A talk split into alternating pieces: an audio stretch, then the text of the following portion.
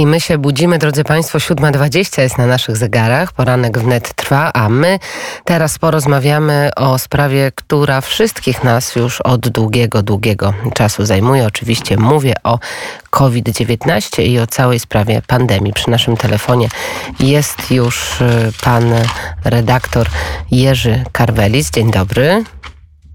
Dzień dobry Pani, dzień dobry Państwu. Autor tytułowego artykułu w tygodniku Lisickiego do rzeczy, alfabet obłędu, a także mm, człowiek, który prowadzi dziennik zarazy.pl, czyli symetrysta, y, który prowadzi dziennik zarazy, dzienne zapiski czasów pandemii koronawirusa 2020. Panie redaktorze, jak ten covidowy alfabet powstawał i co najbardziej zdziwiło Pana podczas konstruowania tego alfabetu? Najbardziej mnie zdziwiło, że to bardzo łatwo poszło, bo wydawało mi się, że to będzie droga przez mękę, ale jest taka anegdota, kiedy redaktor pyta się człowieka, który odpowiada za jakość trawników na trawiastych kortach w Wimbledonie, jak to się robi, że ma taką świetną trawę. I on mówi, że to jest dosyć proste, bo trzeba tylko rano wstać, skosić trawę, podlać, wieczorem skosić trawę i podlać i tak przez 90 lat. Więc ponieważ wprowadzę 600, chyba 70 czy 80 wpis, bo tyle czasu minęło od kiedy zamknęliśmy się na dwa tygodnie, to łatwo mi było na blogu w wyszukiwarce wpisać najpopularniejsze słowa i zobaczyć, czy rzeczywiście one się często powtarzają. Dzięki temu wyszło, wyszło, wyszła mi taka siatka pojęć i, i określeń dotyczących COVID-a, która pokazuje mniej więcej takie filary tej covidowej sytuacji, którą mamy. Opis tego dał mi taki no, opis mechanizmu działania pandemii. Jak ten mechanizm wygląda po tym pół, prawie niemalże dwóch latach pandemii? Jaki obraz wyłania się z tego alfabetu covidowego? No nie najlepszy, dlatego że głównie chodzi o to, że wiele czynników tej pandemii stworzonych zostało nie przez wirusa, tylko przez reakcję na niego. Czyli jest to błędna diagnoza, błędne remedium i niestety upieranie się przy tym bez końca przy któryś z fal, tak jak mówi znane przysłowie, szaleńcem jestem ktoś, kto powtarza co myśląc, że będą różne. My coraz częściej tak robimy. Panie redaktorze, to proszę powiedzieć, y, tak jak wcześniej już y, pytałam, co jest dla Pana największym zaskoczeniem albo może największym rozczarowaniem tej pandemii COVID-19? Mm, upadek wielu lekarskiego, munduru no, politycznego politycy to byli słabo notowani. Natomiast y, parę rzeczy się pokazało takich nieprzyjemnych, które być może podskórnie już może ktoś bardziej uważny mógł za, zanotować.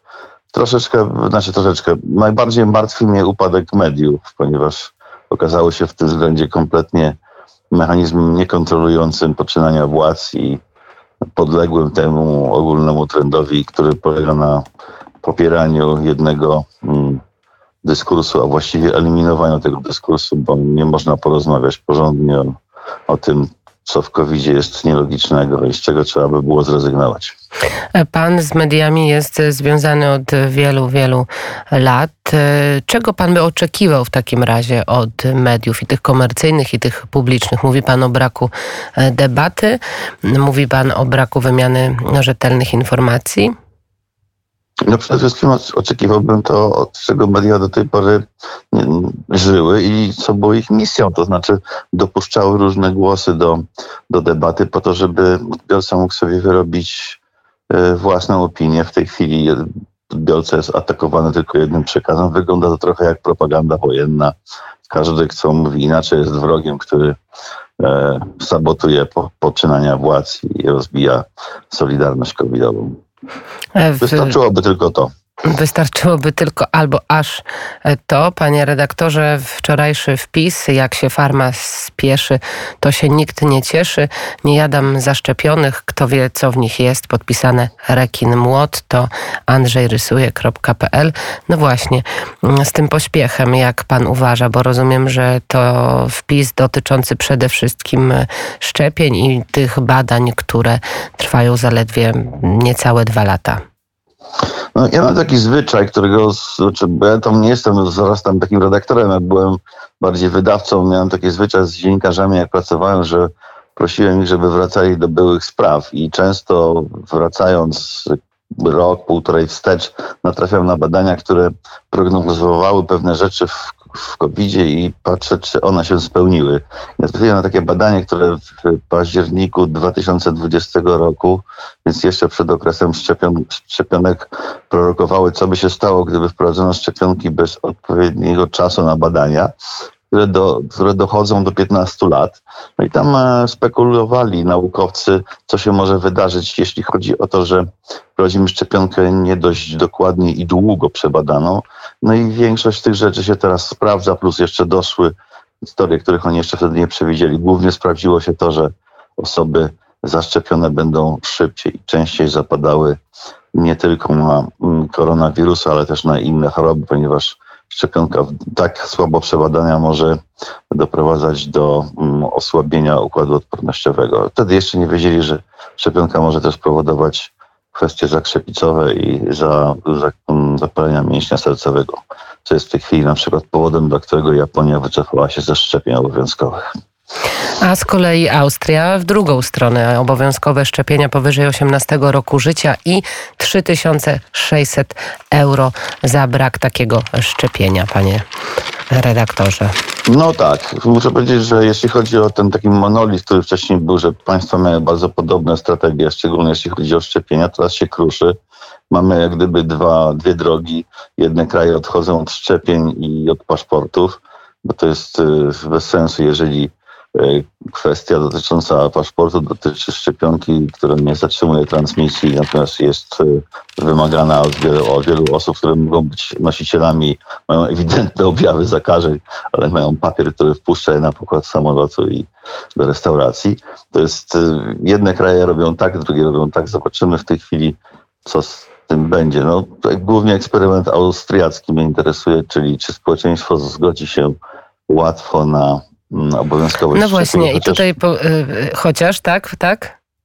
Chociaż y, moim zdaniem jest to akt odwagi, ponieważ jest to pierwsze państwo, które bierze dla siebie tym samą odpowiedzialność za efekty akcji szczepiennej. Bo do tej pory była to przymusowa dobrowolność i we Włoszech Mam taki kopię takiego aktu, gdzie osoba zwróciła się do rządu o odszkodowanie z powodu śmierci spowodowanej szczepionką.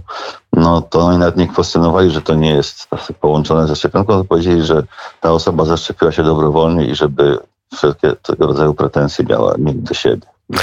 No właśnie, i na koniec pytanie, jak pan uważa, albo jak pan e, sugerowałby polskiemu rządowi, w którą stronę my powinniśmy pójść? Czy właśnie w stronę Australii, Austrii, czy w stronę Wielkiej Brytanii, która znosi całkowicie obostrzenia, nawet obowiązek noszenia masek? Tak samo jest e, podobnie w Szwecji.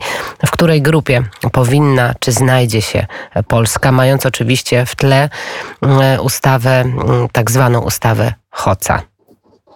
No jest trochę za późno, bo gdybyśmy od początku zrobili tak jak Szwecja, mielibyśmy 140, 140 tysięcy ponadnadmiarowych zgonów, ale powiedzmy, że jesteśmy w tej sytuacji, w jakiej jesteśmy.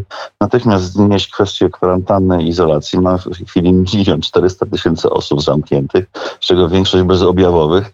Zachorowały tylko na mm, dosyć wątpliwej jakości testy PCR, a w tej chwili Polska idzie dokładnie odwrotnie. Mamy już, te, że tak powiem, testy w aptekach na życzenie. Chciałem tylko zwrócić uwagę, że w momencie, w którym ktoś przychodzi, testuje się w aptece i odczekuje w niej 15 minut na wynik, jeżeli on jest pozytywny, to cała apteka, łącznie z każdym, który w ciągu tych 15 minut wszedł po APAP, kwalifikuje się na kwarantannę, więc idziemy w jakieś dziwne szaleństwo. Nie wiem, czemu to służy. Nie wiem.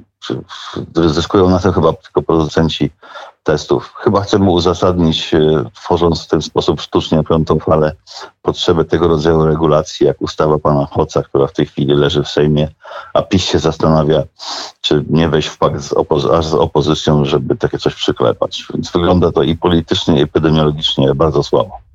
Bardzo dziękuję za ten głos, a Państwo jak chcą się zapoznać z e, alfabetem właśnie związanym z pandemią e, COVID, alfabet obłędu, to zachęcam do najnowszego tygodnika do rzeczy, a także inne ciekawe artykuły, innymi esej Piotra Semki, czy w przypadku agresji Rosji Polska mogłaby liczyć na Niemcy? Na to pytanie też mam nadzieję dzisiaj odpowiemy.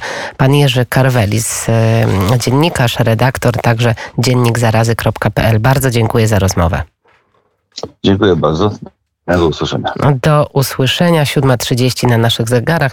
To my dalej zostajemy z Abbo, bo dzisiaj obchodziłby 91 urodziny właśnie jeden z liderów i założycieli zespołu Abba, Stig Anderson. Przenosimy się, jak rozmawialiśmy o Szwecji, to muzycznie też się przenosimy do Szwecji i Mamma Mia za kilka minut opowiemy Państwu trochę więcej o Pegasusie.